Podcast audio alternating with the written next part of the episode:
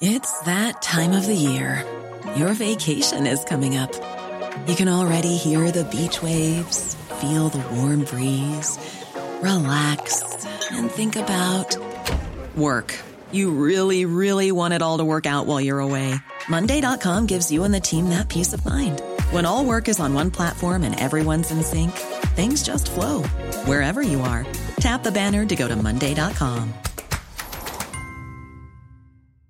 Many of us have those stubborn pounds that seem impossible to lose, no matter how good we eat or how hard we work out. My solution is PlushCare.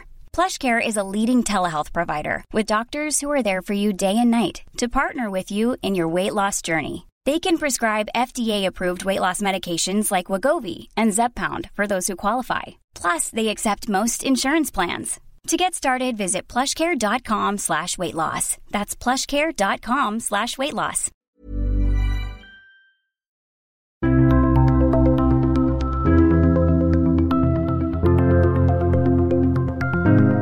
Barnearbeid, dødsfall og alvorlige ulykker. Stadig flere skip med norsk tilknytning skrapes på langgrunne strender i Asia, der arbeidsforholdene er rystende. Hvordan kan eierne av skipene slippe unna med det? Du hører på Det vi lever av, en podkast fra Sysla. Jeg heter Sigrid Haaland. Eh, Beaching er en eh, metode for å hugge opp skip som brukes eh, på tre strender i verden. En i India, en i Bangladesh og en i Pakistan. Ingvild Jensen leder organisasjonen NGO Shipbreaking Platform, som arbeider for å stanse beaching. Hun forteller at det er vanskelig å få til en god infrastruktur på disse strendene. Ambulanser og brannbiler sliter med å komme seg fram om det skulle skje en ulykke. Det vi ser på strendene i India, Bangladesh og Pakistan, er at det ofte er ulykker, fallulykker. Eh, arbeidere som blir knust av fallende stålbiter fra skipet. Eh, eksplosjoner i skipet fordi det ikke er tømt for gass osv. Ungdommer mellom 15 til 18 år er blant de som jobber på strendene, ifølge Jensen. Så I Bangladesh eh, spesielt har vi sett at det benyttes barnearbeidere for å eh, noen ganger eh, få tilgang til eh, steder det er vanskelig for en voksen person å, komme seg fram til. Vi hadde en eh, rapport hvor vi estimerte at eh, så mye som 25% av arbeidskraften var barn. Og det som er viktig å vite, er at dette er forbudt også i Bangladesh.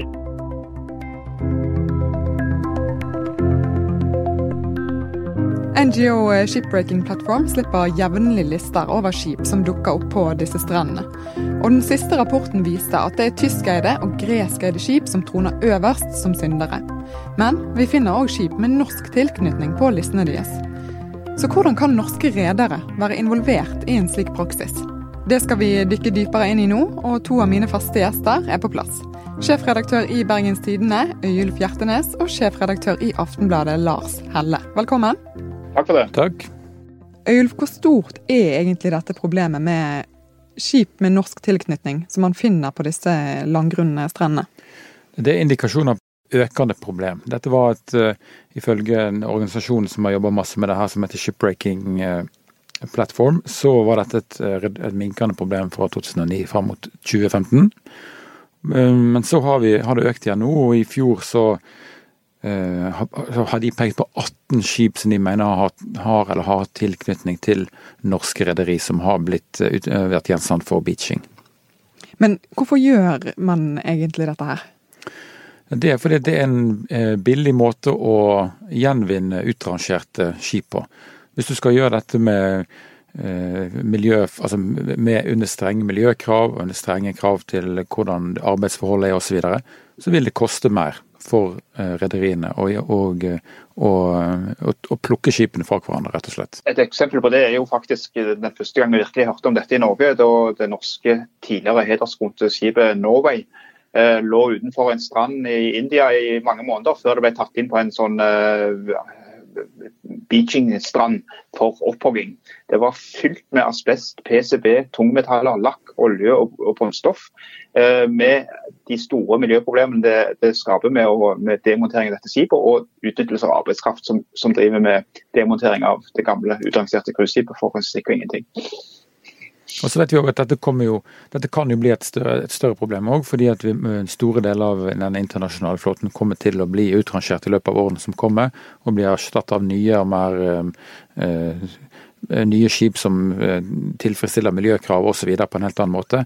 sånn dette, dette, kan være en situasjon som kommer til, til å eskalere framover. Men selv om vi eh, finner flere skip med norsk tilknytning eh, på såkalte verstinglister, så er jo det en allmenn oppfatning, kan det se ut som hvert fall, at dette er noe man faktisk ikke driver med. Ja, det, det som, når, når de, de, norske rederiene her blir spurt eh, om de er klar over at skipet nå er, blir, blir hogd opp av barnehender i Bangladesh, så er det ofte Et vanlig svar fra rederiene er at de er forundra over det, for de solgte skipene i god tro til et selskap som de trodde skulle sette skipet inn i, på en annen linje. Sånn at dette kommer kom som en overraskelse, og dette var ikke de klar over. Hvis de hadde visst det, så skulle de gjort på en annen måte. Og Da er vi litt i kjernen av problemet her. Skipene blir solgt til mellommenn. Eh, og i, altså, Hva vet selgeren egentlig om hva som her skjer? Og Det er jo litt sånn alt etter øynene som ser, og det kan sikkert være noen tilfeller så er det eh, kynismen som rår. Andre ganger kan det jo være at man har rett og slett handla i god tro. Ja, men det som ofte er tilfellet i sånne saker, det er at det blir lagt større ansvar på de som gjerne i god tro, tro uh, overlater det til, til mellommenn. At de, de, faktisk må få, uh, få, ansvar for å forsikre seg om at dette skjer på, på best mulig måte og i, i samsvar med både sikkerhetsforskrifter og, og miljøforskrifter. Men hvis vi da går inn på dette regelverket som faktisk eh, omhandler dette her, altså hvordan er det det ser ut? Eh, det, vi har i dag eh, noe som blir kalt for Hongkong-konvensjonen, som er et slags internasjonalt regelverk som Norge har ratifisert som et av veldig få land. Og dermed er ikke dette gjeldende internasjonal lov i dag. Så i praksis så har vi veldig svake internasjonale reguleringer. Vi står igjen med nasjonale reguleringer. Eh, og i de landene vi her snakker om, Bangladesh, Pakistan, India, typisk veldig svake nasjonale reguleringer. Sånn at det, det vi står igjen med da, er jo et, eh, i mange tilfeller et, et sett med normer og forventninger som, eh, som bedrift og bransjen setter til seg sjøl, langt på vei. Det er jo mange redere som viser til at verftene de bruker er godkjent i henhold til denne Hongkong-konvensjonen. Men det knytter seg usikkerhet til om verftene faktisk følger reglene, og så er det en del som spør seg om konvensjonen er streng nok.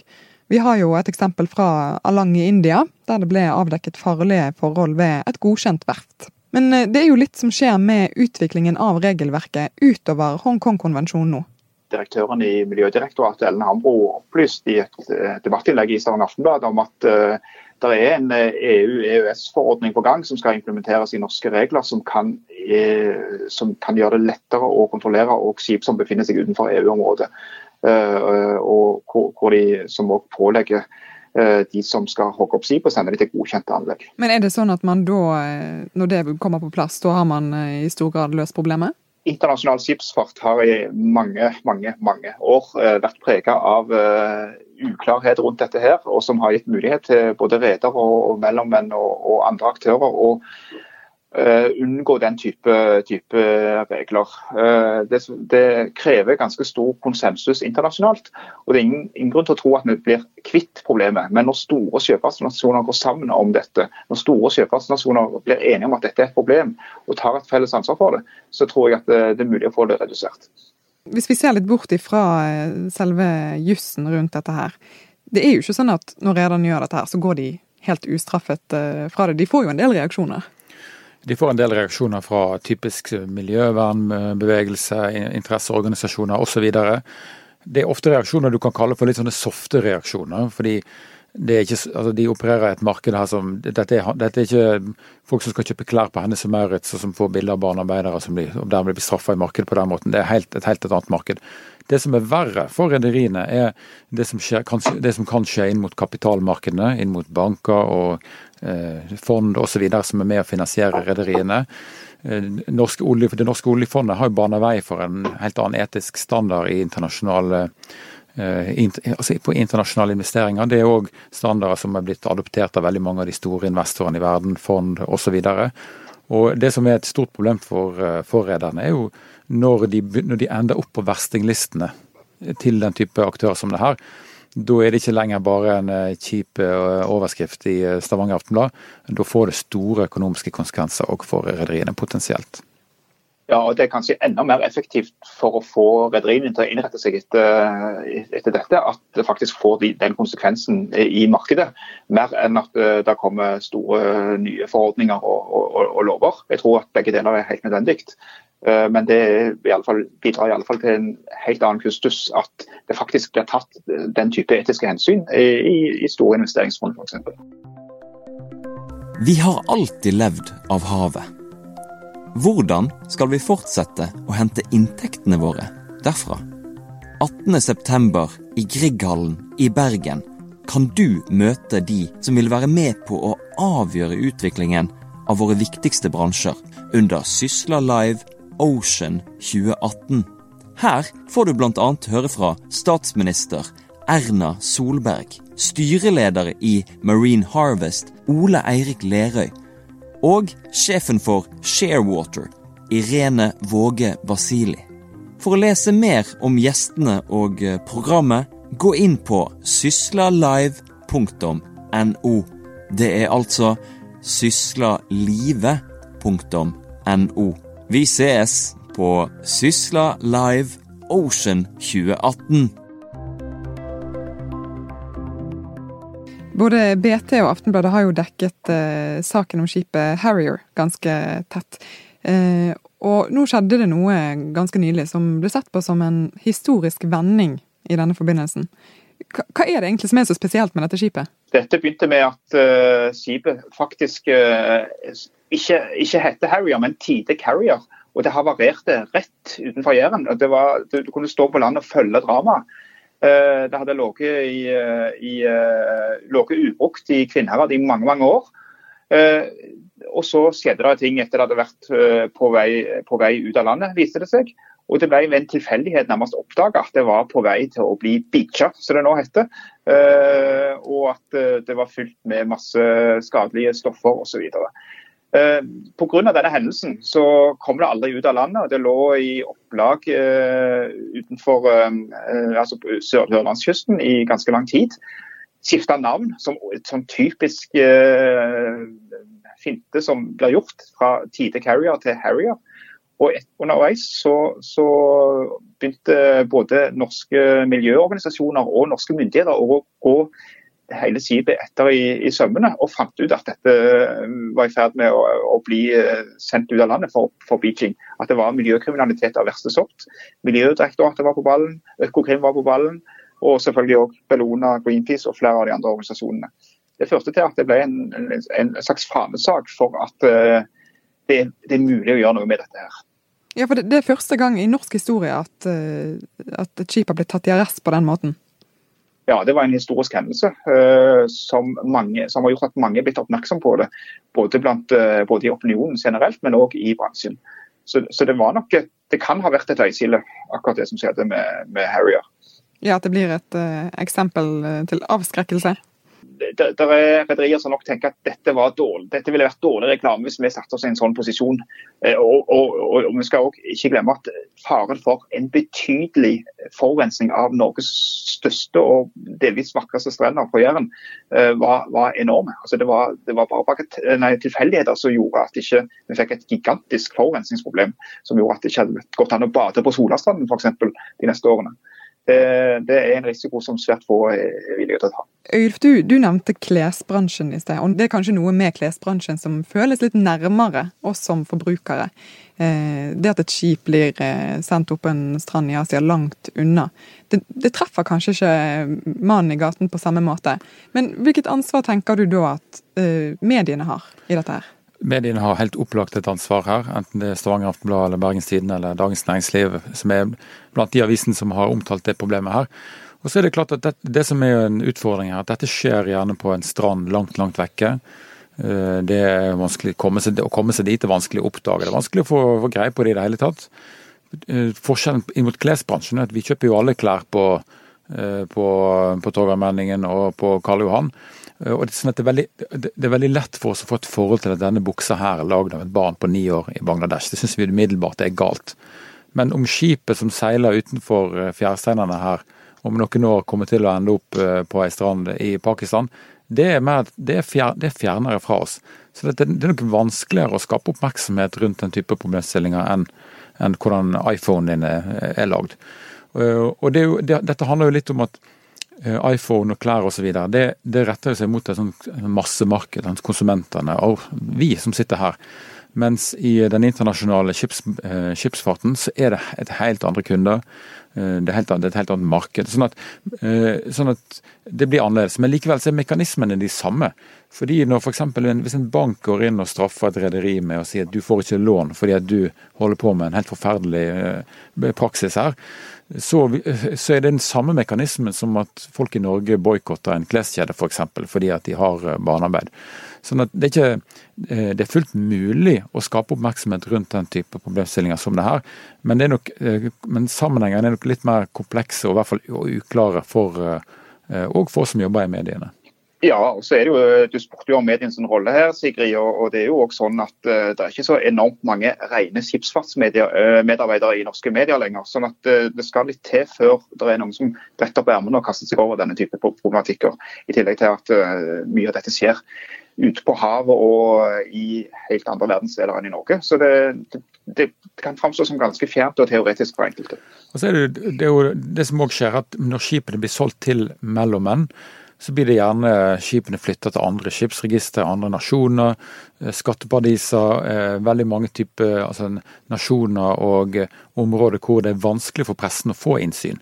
I Norge har vi innsyn, EU e har vi innsyn, men når du kommer til eh, Jomfruøyene og deretter videre eh, i åtte forskjellige registre, og så til slutt på ei strand i Pakistan, så kan det være at den, den rekkefølgen kan være vanskelig å følge. og Det er jo ofte bevisst blant de aktørene som er, som er med her.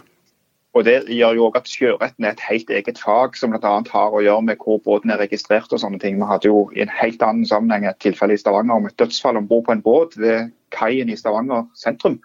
Eh, hvor eh, verken norske tilsynsmyndigheter eller politiet fikk adgang til å etterforske det dødsfallet, pga. hvor både nasjonaliteten til den som omkom og nasjonaliteten til, til, skipet. Så det ble en ganske komplisert affære.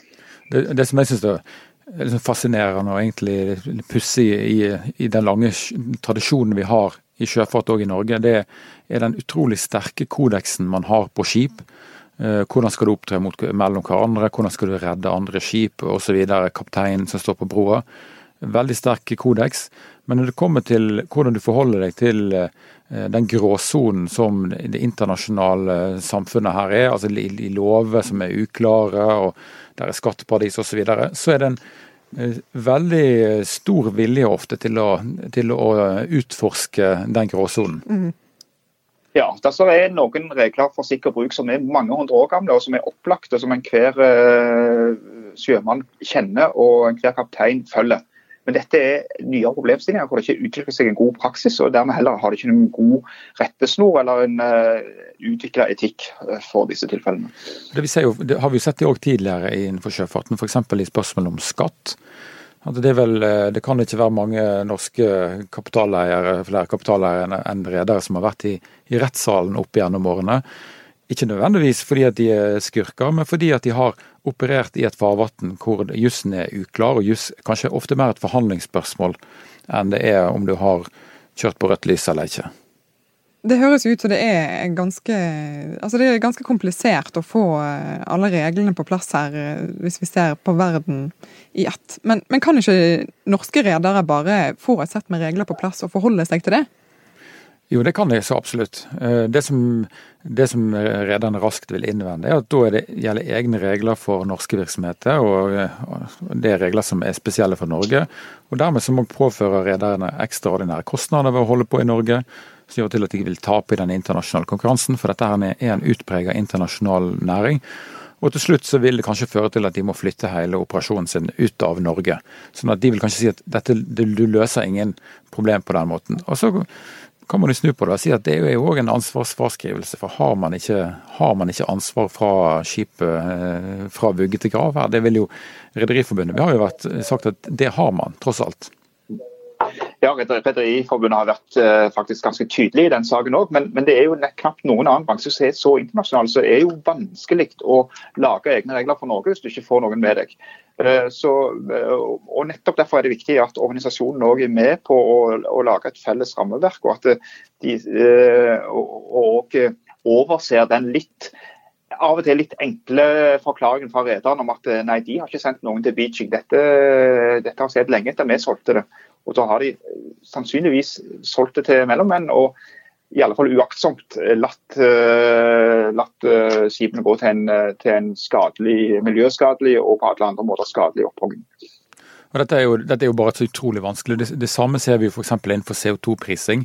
Norge lager et regime. Umulig å få til en internasjonal enighet rundt det. og Konsekvensen er at hvis du går bort på Remaen borti gata her, så kan du kjøpe ei pære fra Sør-Afrika som koster tre kroner, fordi at frakten er så billig. Eh, av den pæra fra, fra andre sida av jordkloden opp til Norge. Fordi at man har ikke noe internasjonalt regelverk som, har, som tar opp i seg CO, de, de CO2-utslippene som man har på veien. Så dette er, dette er veldig krevende å få til.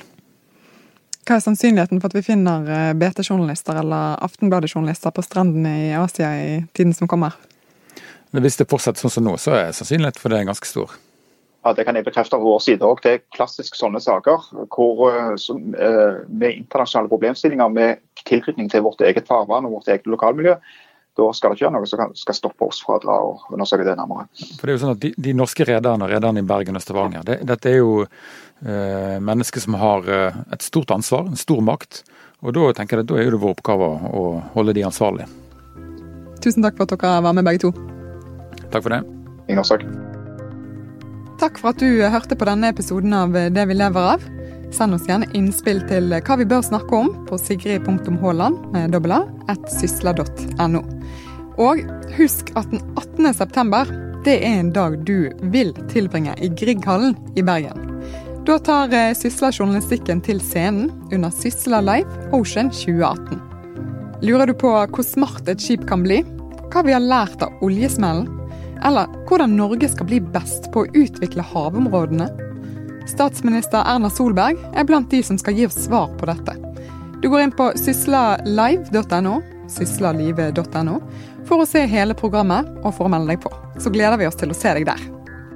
Produsent for denne podkasten var Henrik Svanevik. Jeg heter Sigrid Haaland. Og en ny episode av Det vi lever av kommer om en uke.